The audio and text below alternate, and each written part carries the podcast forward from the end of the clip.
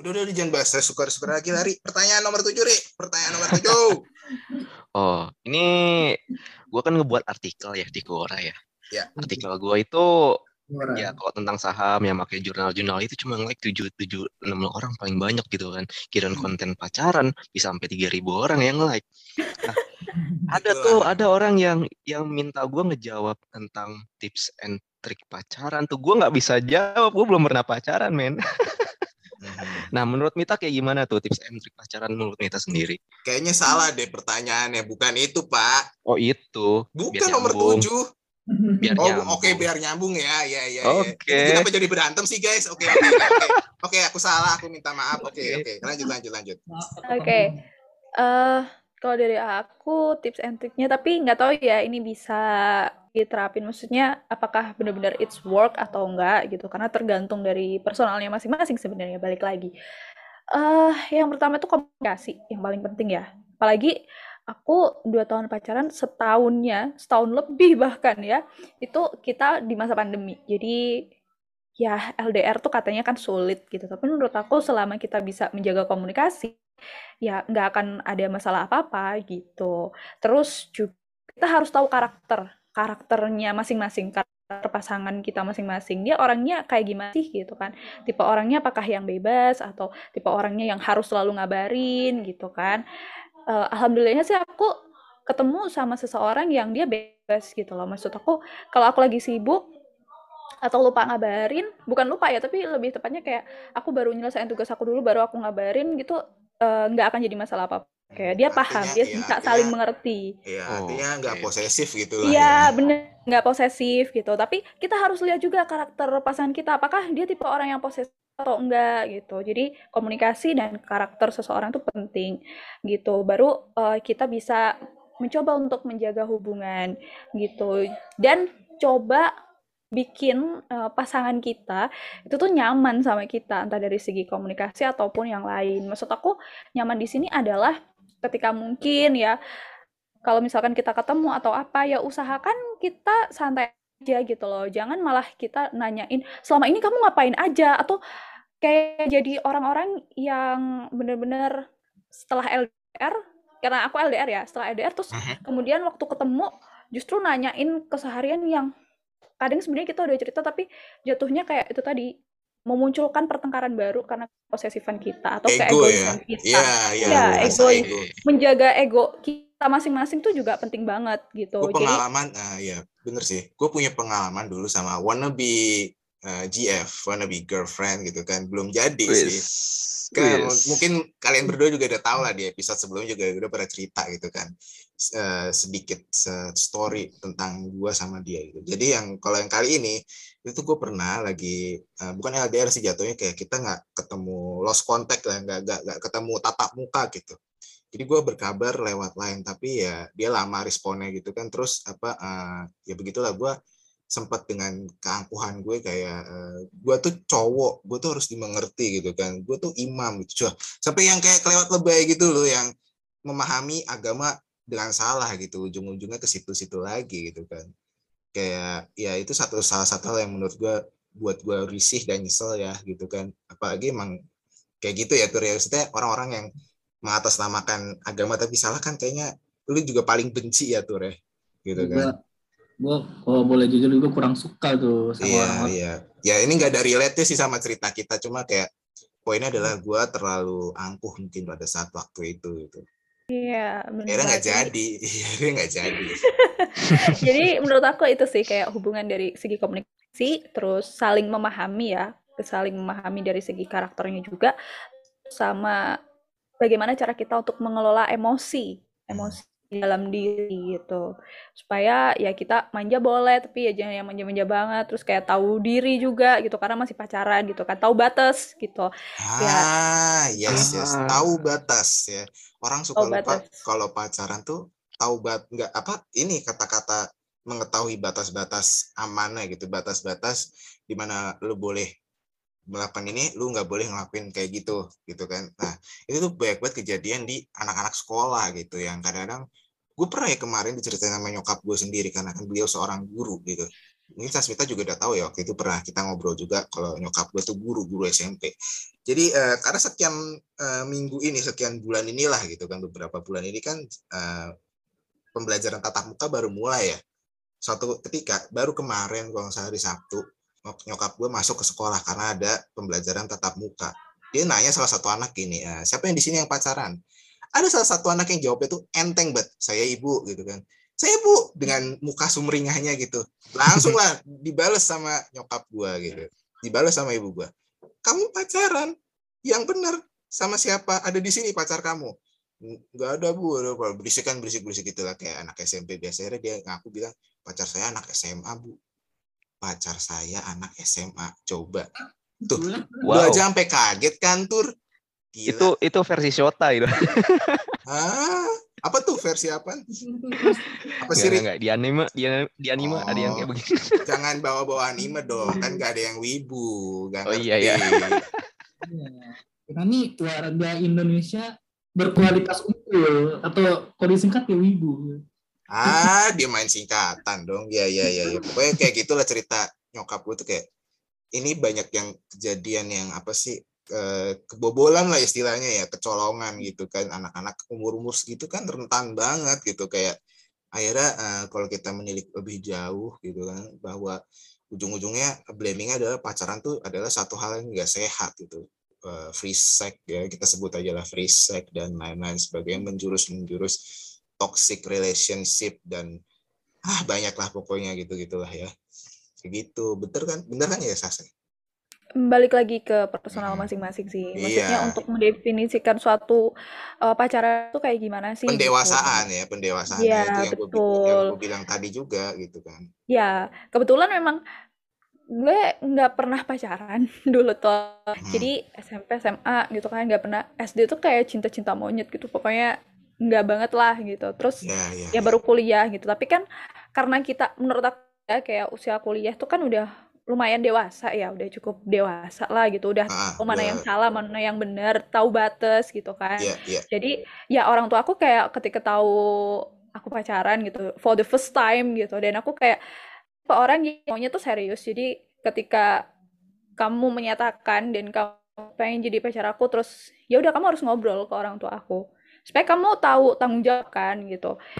Jadi dia juga bakal ngerti batas gitu. Nah baru terus akhirnya dia bilang pertama tuh bilang dulu ke ibu aku terus ke ayahku gitu. Dan dengan begitu kita kayak jadi lebih tanggung jawab.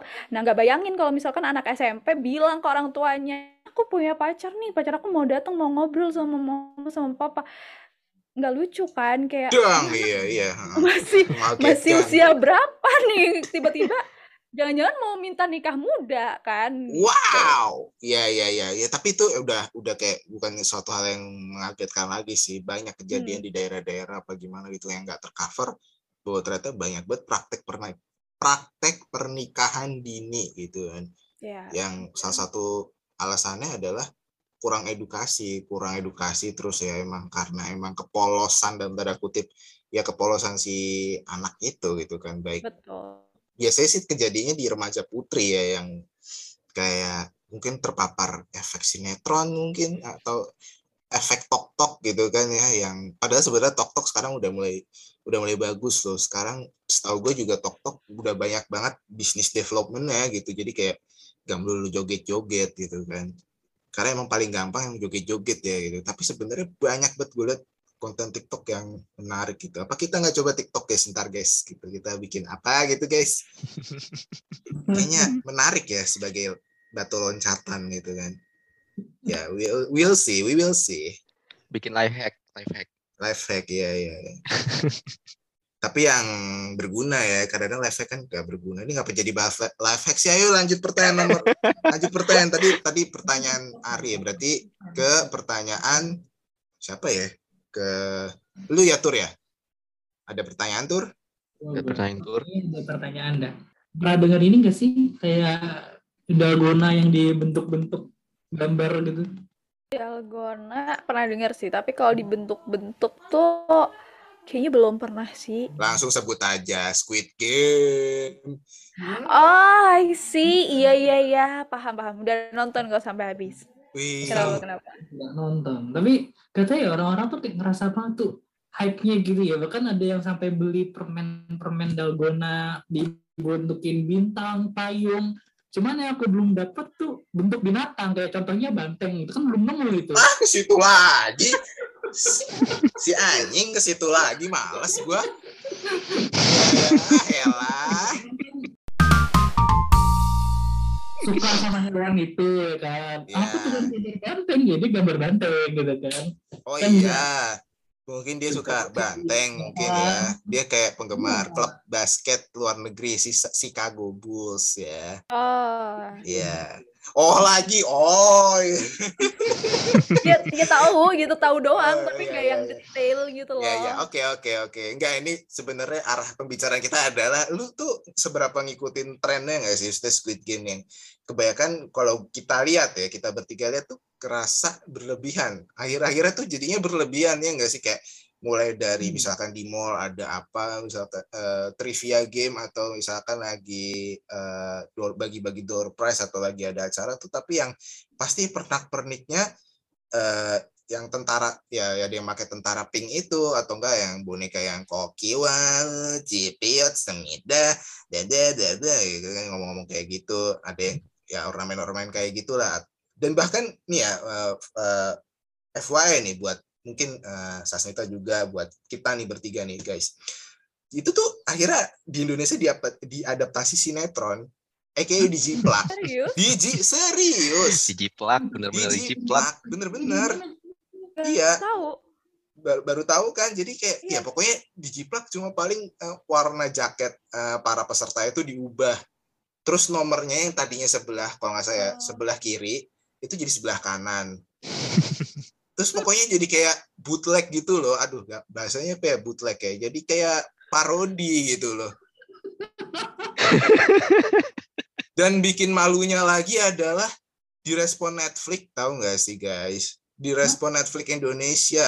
Di Iya. Twitter. Di Twitter. Beneran gue nggak bohong serius. Ada di IG kan? Gue tahu beritanya di IG di IG update game gitu kan. Nah pas gue lihat wah gila ini sudah bener-bener apa ya istilahnya udah bener-bener overuse gitu loh udah bener-bener kayak eh, it has to stop gitu. Ini udah harus udah sudah itu anda kelewat norak norak sekali kalian gitu loh. Bas, apa bikin-bikin skit game. Makanya gue nanya nih kayak lu seberapa eh, fanatiknya sih sama Squid Game atau biasa aja gitu? Sebenarnya biasa aja sih, karena jujur kayak nonton Squid Game ya eh, di Netflix kayak sehari kelar karena filmnya itu kayak satu games yang mungkin harusnya dalam mungkin 15 menit udah selesai itu kayak diperpanjang gitu loh dan walaupun dipercepat Hmm. kayak udah tahu ceritanya bakal ke mana gitu oh alurnya bakal masuk ke sesi 2 gamesnya ngapain kayak gitu-gitu doang sebenarnya isinya gitu makanya kenapa Oh. aku nggak nggak ngerti juga sih kenapa em, Squid Game nih jadi drama yang hype di Indonesia gitu. Cuman aku ngikutinnya karena emang aku kerja di media gitu kan. Ya udah aku lempar aja jadi konten media gitu doang. Tapi Iya, kalau dari pribadi iya. aku sendiri biasa aja gitu. Cuman ketika mungkin eh, di grup nih di sesi grup teman-teman kerja gitu kan. Ini Squid Game lagi rame nih kita lempar aja gitu. Ya udah akhirnya bikin konten. Cuman jadiin konten doang. Tapi kalau misal sampai yang sefanatik itu harus misal kayak beli seragam atau apa karena meskipun nih pada dasarnya aku tuh suka Korea dari SD dari SD tuh aku udah wow. Iya. Serius jadi aku suka Korea budaya Korea kayak mulai dari pertama yang paling aku suka tuh waktu itu SNSD ya Girls' Generation gitu lagu-lagu Mhm. Korea aku Mhm. suka terus ditayangin juga kan di salah satu stasiun TV nah itu udah mulai suka terus sama drama-dramanya juga aku suka tapi nggak yang ngefans banget jadi nggak pernah sekalipun aku beli eh apa ya kartunya gambar-gambar Korea poster-poster gitu nggak pernah gitu jadi cuma sekedar Ah. suka karya tapi Iya, iya, bukan iya, iya, suka iya. karena orangnya atau karena boy bandnya atau bandnya enggak cuman Iya, oh iya. ketika Hmm. lagunya menurutku enak didengar ya udah aku suka gitu doang dan laku ke negara-negara lain juga jadi nggak harus Korea jadi kayak India Filipina Thailand kalau misalkan aku suka ya udah suka aja gitu Ya, at least suka Korea tapi tidak menjadi SJW Korea ya. iya bener SJW Korea yang kalau kelewat ekstrim dia sampai bikin agama sampai bikin parah sih sampai bikin Tuhan ya BTS. Iya, parah banget, parah banget sih itu. Parah banget sih. Gila, Saya gila, gila. kalau sebagai podcaster nih perlu banget gak sih kayak kita bener kayak ngikutin banget trennya atau mungkin mending kita bikin bikin benar pure yang otentik dari diri sendiri gitu. Mhm. Prefer yang otentik sih ya kalau aku. Tapi emang ada ya podcast yang bener-bener full ngebahas misal nih ini terdiri dari fans-fans BTS gitu. Mungkin ya contoh gitu. Terus dia bener-bener ngebahas podcastnya seputar BTS doang gitu. Emang ada ya? Atau Mungkin aku yang nggak aja- tahu kali ya. Mungkin aja ada gitu, tapi Iya, mungkin tapi- bukan eh, BTS ya, mungkin ke Koreanya kali ya. Hmm, maksud aku yang bener-bener fanatik gitu loh, fanatik sama Hmm. satu boy band atau satu girl band gitu. Terus dia Hmm. bener mengulik banget tentang satu itu gitu. Tapi selama itu ya udah jadi dirinya sendiri gitu, just be yourself ya udah nggak apa-apa kalau kamu suka dan cuman pesan aku jangan sampai menuhankan aja sih. Iya, iya, iya, iya. iya. Nah, benar, benar, benar. Kayak apa sesuatu ini basic banget ya. Sesuatu yang berlebihan itu tidak baik gitu. Itu kata. Patrick loh gitu kan. Patrick bilang ke SpongeBob kayak gitu loh. Sesuatu yang berlebihan tidak baik gitu. Iya, bener. Apalagi yang kalau keliwat sampai tiga periode itu juga nggak baik ya. Wah, Aduh. aku tertular oleh Guntur. Tolong. Awas ada tukang bakso. Baru tiga periode, maksudnya tujuh tahun misalnya kan jangan. Ya, ya. Maksudnya tiga periode ketua BEM ya. Karena kita masih kuliah BEM gitu bisa, kan. Nggak boleh gitu kan. nggak boleh. Ah, Ntar kapan lulusnya? Ya, ya, santai, santai, santai, kalem. Masuk lagi yuk, tanya jawab lagi yuk.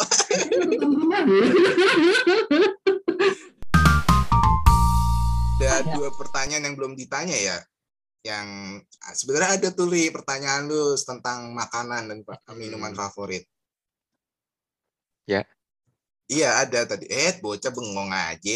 Tadi ada itu per- pertanyaan. Iya pertanyaan. Lu, lu katanya pengen nanya eh, apa sih kalau di Banyuwangi itu makanan khasnya apa atau Surabaya gitu kan? Ini Mhm. bener-bener kita nanya tuh dari satu topik ke yang lainnya gitu dari mulai yang soal udah deep percintaan yang kisah-kisah wow banget gitu yang sangat-sangat sangat-sangat bikin Langsung gesernya jauh banget ya. Iya, mikir terus tiba-tiba tung makanan gitu kan. Mungkin mungkin pertanyaan terakhir ini akan lebih jauh lagi gitu. Tapi eh, akan balik lagi ya ke pertanyaan yang pertama gitu soal prinsip hidup sih. Nah, ini mungkin bisa dijawab dulu nih makanan minuman favorit Eh, di Banyuwangi itu apa aja sih? Ada nggak? Banyak, ada dong, banyak pastinya.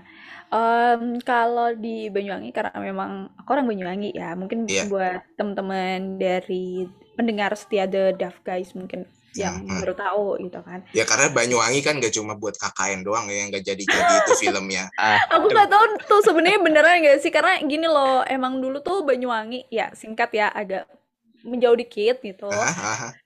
Jadi dulu tuh emang Banyuwangi tuh terkenal sebutannya tuh kota santet gitu. Ya, bahkan Karena- sampai mau ada festivalnya ya. Karena memang eh, semistis itu dan kayak orang-orang tuh mikirnya dulu sampai ada kayak temen orang tua aku tuh nggak mau datang ke Banyuwangi karena takut gitu. Takut ah, nanti kalau salah ngomong takut disantet, takut apa gitu. Ya, sampai segitunya gitu. Terus akhirnya di masa kepemimpinan waktu itu kepemimpinan bupati yang lama ya itu ada dia sampai menjabat dua periode dan di situ dia benar-benar bisa membangun Banyuwangi sampai akhirnya terkenal dengan wisatanya, dengan makanannya, dengan batik, terus dengan tarian gandrung sebagai pembuka di beberapa event Indonesia gitu kan. Nah, dari situlah eh, orang-orang mulai tahu dan mulai apa ya membuka diri gitu. Dan Banyuwangi juga mulai membuka diri sampai brandingnya tuh nggak hanya tahap nasional tapi tahap internasional. Sampai ada dalam satu tahun tuh sekitar ada 200 event yang itu terdiri dari tingkat nasional sama internasional dari surfing Gokil, Iya, serius. wow. Kayak kita tuh udah biasa banget kalau misalkan ada event-event yang dilaksanain di Banyuwangi, kadang justru bukan orang Banyuwangi asli yang datang, justru kayak bule-bule gitu kan.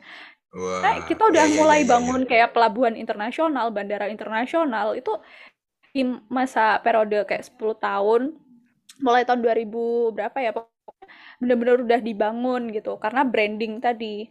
Jadi benar-benar se-epic itu. Termasuk eh, dari segi makanannya. Jadi kayak ada event-event khusus festival makanan gitu yang diadain supaya orang Banyuwangi sendiri juga kenal dan orang luar kota kenal bahkan tingkat nasional sampai internasional. Nah, kalau makanan sendiri itu yang lagi rame gitu kan, biasanya tuh rujak soto. Itu kayak soto. di soto. Iya, rujak, rujak soto. soto. Mungkin baru dengar ya. Jadi baru ya, dengar sih. Berbeda rujak sama soto. Biasanya yang paling terkenal tuh soto babatnya. Terus kayak dicampur sama rujak. Jadi rujaknya tuh bisa kayak rujak sayur gitu kan. Tapi rasanya tuh bener-bener ya udah aduan antara soto sama rujak. Gitu. Itu yang paling terkenal. Rujak soto. Terus ada namanya pecel pitik. Pecel pitik itu ayam dipecel. Bukan pakai saus kacang Oh. Oh. Beda lagi gitu kan. Hmm. Aneh-aneh memang, tapi memang kenapa kita nanya berbeda gitu. Kayak rujak soto, terus kayak tadi kan ada pecel pite gitu kan. Terus ada lagi nasi kerawu, terus dan masih banyak lagi. Kenapa berbeda dengan kota-kota yang lain dan masih ada khasnya banget gitu. Karena di Banyuwangi itu selain kita punya kita punya gunung sendiri ya, kita punya kawah, kita punya hutan, kita punya savana, terus savana ala Afrika gitu kan. Terus kita punya pantai, kayak pantai selatan sama pantai utara tuh beda gitu. Mau pasir putih, mau pasir hitam kita punya. Jadi apa pun di Banyuwangi itu ada. Nah, dari situlah kayak beragam jenis selain wisata, makanan pun juga sama gitu. Kayak uh, daerah pegunungan tuh kayak ada makanan sendiri gitu yang menarik gitu kan kayak tadi tuh contohnya terus juga suku. Banyuwangi itu punya suku sendiri, tapi aku bukan masuk keturunan dari ini ya, bukan keturunan dari suku asli Banyuwangi. Jadi aku sukunya Jawa, Jawa tuh lain. Jadi yeah, aku yeah. orang pendatang sebenarnya. Nah, mm-hmm. kalau yang di Banyuwangi tuh ada suku asli namanya suku Oseng. Oh iya, iya, oh. suku Oseng. Ya, suku Oseng dan ini yang kadang-kadang orang masih ya, nganggapnya suku ini suku mistis gitu, padahal enggak gitu. Cuman memang awal mulanya dulu Banyuwangi punya kerajaan sendiri gitu. Hmm. Kalau nggak salah kerajaannya itu dulu uh, masih ada turunan sama kerajaan Majapahit gitu. Hmm. Namanya kerajaan Belambangan dan uh, dari kerajaan Belambangan ini makanya turun punya keturunan-keturunan terus uh, masuk namanya suku Oseng itu tadi dan punya bahasa sendiri juga. Banyuwangi itu punya bahasa sendiri yang beda sama bahasa Jawa. Oh. Paduan antara bahasa Jawa dan Bali. Oh gitu. Ya ya ya ya. Ih keren. Baru tahu gua. Iya iya iya. Iya. Budayanya tuh sebanyak itu nggak nggak cuma makanan. Makanya kenapa makanannya banyak banget karena ya dari unsur apa ya?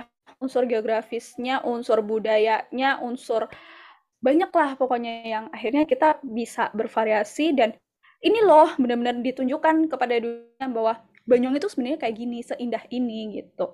Bahkan kalau teman-teman tempat wisata mah di sini kayak banyak banget wisata untuk self healing gitu kan, mau ke pantai, mau ke lancar, self healing, self healing, mau ke pulau lain, pulau yang nggak berpenghuni juga ada gitu. Ya ya ya, self healing, self healing, pusang pulang, tahu-tahu tambah pusing. ya gitu sih kalau yeah, mau bahas yeah, Banyuwangi kayaknya nggak akan ada habisnya sih. Aku sendiri sebagai orang Banyuwangi kayak aku masih belum banyak explore loh tentang Banyuwangi gitu. Masih banyak tempat-tempat yang belum aku kunjungi tapi tiba-tiba udah muncul tempat wisata baru gitu. Iya iya iya. Kita jalan-jalan Vin ke Banyuwangi Vin kalau hmm, boleh. Yeah, boleh boleh mau boleh. Apa? nih mau snorkeling mau diving mau mendaki mau, atau mau hiking atau mau ke mana mau ke hutan mau ke savana boleh di Banyuwangi banyak spot wisata. Kita kayaknya simple aja staycation aja ya guys ya. Aduh. Karena nggak mau ribet. Ada satu lagi yang menarik uh, durian. Kita punya durian sendiri yang berbeda gitu. Durian merah. Pernah tahu nggak? Atau pernah makan durian merah? Oh, enggak, enggak tahu. Iya, tapi enggak, Dan nggak suka durian juga. ah, Kalah Lupin. Padahal makanan enak tuh. Nah, tuh, kamu harus coba. Iya, iya, iya. Mesti juga coba. Oke, gimana tuh durian merah? Hmm, dia kayak di di Banyuwangi itu kan ada dua pohon kalau nggak salah. Jadi itu kayak khasnya banget dan dia awal mulanya tuh kalau nggak salah dari luar negeri, terus cuma bisa ditanam di Banyuwangi, gitu. Terus itu kalau buah, buah durian ya, terus ada Banyuwangi itu penghasil buah naga terbesar di Indonesia. Jadi nanti kaget kalau misalkan mau ke pantai gitu, terus kayak sebelum masuk pantai tuh pinggir-pinggir jalan tuh kayak semuanya tuh ada cahaya-cahaya lampu yang di mana itu adalah lahan buah naga. Hmm, Jadi sampai di lampu gitu. Iya, kayak Bagus sih ladang kalau ya. malam gitu. Kayak ladang. Iya, ladang. Hmm. Tapi di lampu-lampu gitu kan. Jadi buat buat foto-foto juga gitu. Itu salah satu apa ya? Salah satu bu penghasil kayak oleh-oleh lah gitu buah naga Hmm, hmm. gitu. Terus ya masih banyak lagi sih selain durian karena sekarang lagi di sini lagi panen raya durian kayaknya. Jadi sepanjang jalan tuh banyak banget yang jualan durian. Durian, buah naga, terus banyak makanan-makanan lain yang mungkin teman-teman bisa coba di sini. Mhm. Emang kayak daerah-daerah Pulau Jawa tuh punya kesamaan atau similarity yang hampir identik ya. Kayak misalkan Banyuwangi itu santet, identik-identik dengan konotasi santet ya. Banten juga kayak gitu. Tempat gue bernaung kan provinsi gue Banten. Nah, gue anak Tangerang, gue di kota, gue tinggal di kota Tangerang, provinsi Banten. Banten kan memang ya, apalagi Banten yang arah Anyer tuh, yang arah pantai itu, ya Aduh. katanya kuat banget ya Kuat. Ya kan? Eh, yang arah-arah inilah Universitas Sultan, Sultan Ageng Tirtayasa tuh. Mungkin kita eh, anak-anak Jakarta kan biasanya kalau survei atau studi banding kan pasti sama mereka tuh Untirta gitu kan.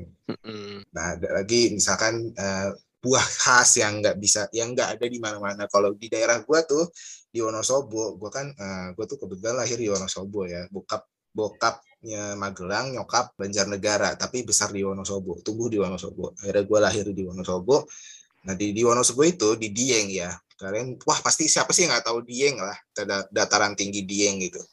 Itu di situ tuh ada buah namanya karika. Tulisannya carica itu kayak mangga. Ah, tahu tahu ya tahu. Kayak pepaya. Heeh, kayak ya kecil gitu kan warnanya kuning gitu sering dijadiin manisan gitu kayak Manisan. eh, kayak ya bisa buahnya bisa dimakan dan ada air airnya gitu manis banget rasanya gitu. Kayak bintang tamu kita yang satu ini. Wah wah gombal habis. Ujung-ujungnya nggak enak Kumbal banget lagi. sih. Uh, gua nggak enak ini ngeluarin ini nih. Uh paksa banget guys nyari nyari nomor Alvin hati-hati Vin. Kan udah ada udah kenal udah kenal. Udah kita kenal. kita kita mah kayak kakak ade aja gitu. Kakak ade zone lah gitulah ya. Aduh aduh aduh aduh. Last question. Eh, mungkin akan balik ke poin pertama yang gue bilang tadi ya soal prinsip hidup gitu. Kalau misalkan kan lu sekarang ini kan eh, ada usaha nih ada usaha rumah gitu kan. Ada lu sambil freelance juga sekarang dan lagi fokus eh, di mahasiswa akhir kan tingkat akhir gitu. Misalkan lu dipilih nih eh, pengen jadi eh, CEO atau yang founder lah pendiri apa lu yang pengen jadi penjalannya itu? Maksudnya karyawan atau ya bahasa kasarnya budak korporat lah gitu kan. Gitu. Lu mau jadi itu eh, pendiri atau budak korporat? Kalau suruh milih. Pertanyaan yang menarik ya sebenarnya. Dari hati sebenarnya kalau misalkan ada modal, ada s- apa ya, fasilitas lah lebih tepatnya. Kalau ada fasilitas gitu, prefernya founder gitu. Karena sekarang pun sebenarnya lagi nyoba kan, walaupun usahanya masih katakanlah usaha kecilan, usaha rumahan. Tapi Hmm. menurut aku kayak strugglingnya kayak bener-bener ketika aku ambil suatu keputusan itu jadi tanggung jawab aku. Ketika mungkin keputusan ini salah ya aku harus gimana caranya dan nggak ada yang nggak ada yang ini sih kayak nggak ada yang marah atau tanggung jawabnya bener-bener di aku doang gitu. Tapi kalau misalkan jadi budak korporat atau apa, misalkan kita salah dikit, pasti yang kena semuanya. Yang kena Hmm. masalah tuh kayak satu perusahaan gitu kan. Ya, Nah, ya. kalau ini jadi harus benar-benar bisa mengelola kayak aku harus ini tuh kayak jadi tempat belajar aku sebenarnya ketika aku mendirikan suatu usaha. Oh, ternyata susahnya gini ya kalau kita mendirikan usaha.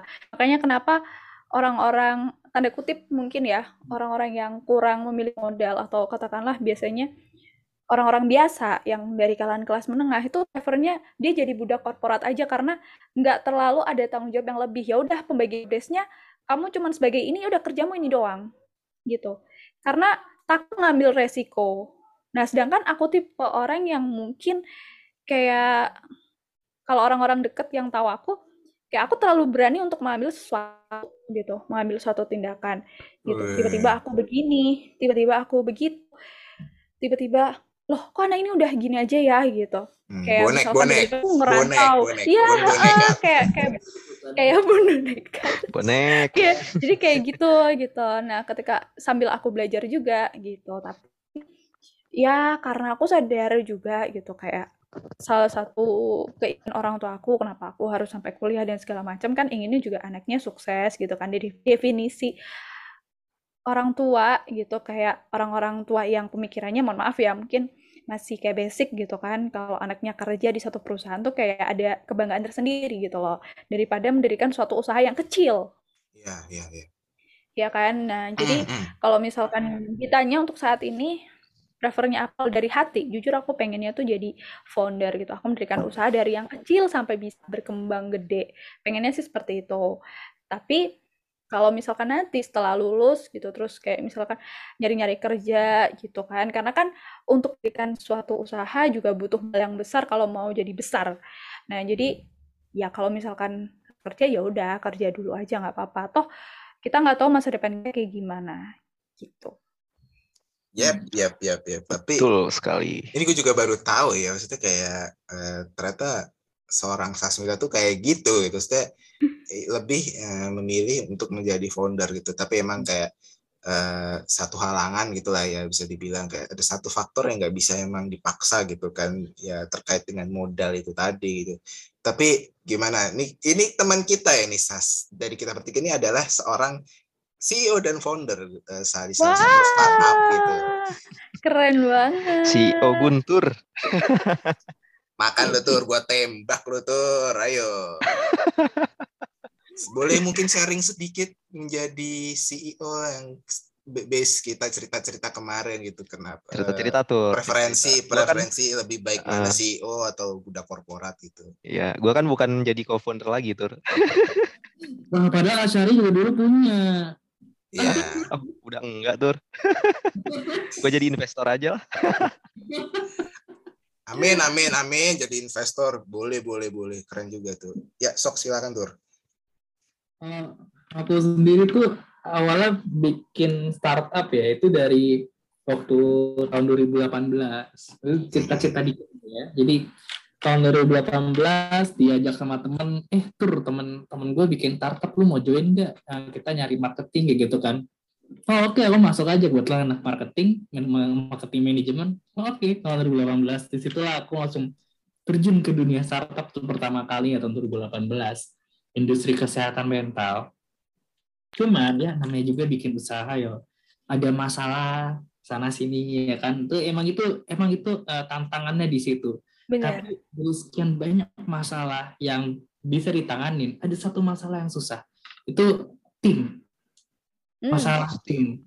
Wah, itu Betul. itu susah banget. Itu karena masalah tim itulah akhirnya aku pun memutuskan untuk keluar dari startup sendiri tahun 2002 tahun 2020 dan setelah keluar dari situ aku mutusin ya udahlah aku bikin aja yang sendiri gitu karena sebelumnya kan aku bareng teman tapi sekarang kali ini aku bikin sendiri dan alhamdulillah sih ya setelah coba uh, trial and error sana sini sana sini akhirnya tembus juga program inkubasi baru bulan ini alhamdulillah Alhamdulillah. Kak Guntur. Bless and, ya gini ya tur kayak istilah tuh bless and disguise ya tur ya. Kayak eh, s- satu gagal terus lu coba lagi dan akhirnya lu akhirnya bisa lanjut lagi gitu. Ya walaupun walaupun akhirnya kepuntal-puntal ya istilahnya wong Jawa itu kepuntal-puntal ngerti ora? Ini Ari bukan orang Jawa sih. Apa ya? Kepuntal-puntal itu apa ya? Eh, tertatih-tatih. Maksudnya ya ribet lah lu ribet sama karena lu harus bagi bagi di DAF dengan kita, bagi di eh, di startupnya gitu. Dan Hmm, belum lagi sebagai tanggungannya sebagai mahasiswa gitu kan. iya. Benar, benar, benar. dan Tapi kalau setuju sih. Hmm. dan founder tuh harus bisa ngambil risiko itu bener kata Sasmita itu Iya, benar. Karena makanya kenapa aku sendiri ya gitu. eh, walaupun aku kasarannya aku punya sahabat yang benar-benar deket banget sama aku gitu kan. Hmm. Tapi nggak pernah sekalipun aku mencoba untuk yuk bikin usaha bareng gitu. ketika mungkin kita nggak sepaham, takutnya justru itu jadi berantakan, bahkan benar-benar kayak lost tak akhirnya, gitu. Makanya kenapa aku tuh tipe orang yang justru kalau misalkan mau bikin usaha bareng atau bikin apa gitu, aku pernah nawarin, uh, jualan aku atau usaha aku ke teman-teman dekat aku kayak beli dong beli. Kadang kan ada kan kayak mungkin mahasiswa nyoba-nyoba jualan apalah thrift shop lah apa gitu kita tawarin dulu ke teman-teman yang ada di kontak kita gitu. Nah aku tuh enggak gitu aku lempar ke orang yang justru dia nggak kenal aku supaya bener-bener bisnis aku tuh berkembang karena kualitas bukan karena teman kadang kan oh. kan cuman karena kan gini, biasanya kan temen tuh, hmm. ya kan? Feedbacknya bagus-bagus ya, feedbacknya bagus-bagus gitu. Gak jujur ya. banget. Iya, iya, iya. Nah tuh gini sih, karena biasanya teman-teman mungkin nih ada kan punya nggak sih kayak temen mahasiswa atau apa gitu lagi coba jualan misal sama-sama makanan nih gitu dibalin ke temennya gitu eh ini aku lagi promosiin usaha aku nih jualan apalah gitu risoles katakanlah gitu. Contohnya Nah, terus oke okay deh aku beli. Nah, temen kalian beli itu karena kasihan temennya lagi berusaha untuk mendirikan usahanya. Tapi setelah itu, apakah dia bakal beli lagi? Apakah dia bakal jadi pelanggan setia? Belum tentu. Gitu. Makanya kenapa aku selalu lempar ke orang luar yang di mana dia nggak usaha aku. Makanya kenapa aku join di platform atau di apa gitu. Terus sekalian aku belajar digital marketingnya kayak apa gitu. Jadi benar-benar real. Aku benar-benar pengen terjun dan bukan karena uh, usahaku tuh berkembang karena temen gitu. Hmm. Keren keren. Kalau misalkan kita uh, berkembang sendiri dan itu kan lebih ke validasi pasar ya ya. Jadi iya, benar. Uh, guys, kalian berdua kayak ngobrol aja deh.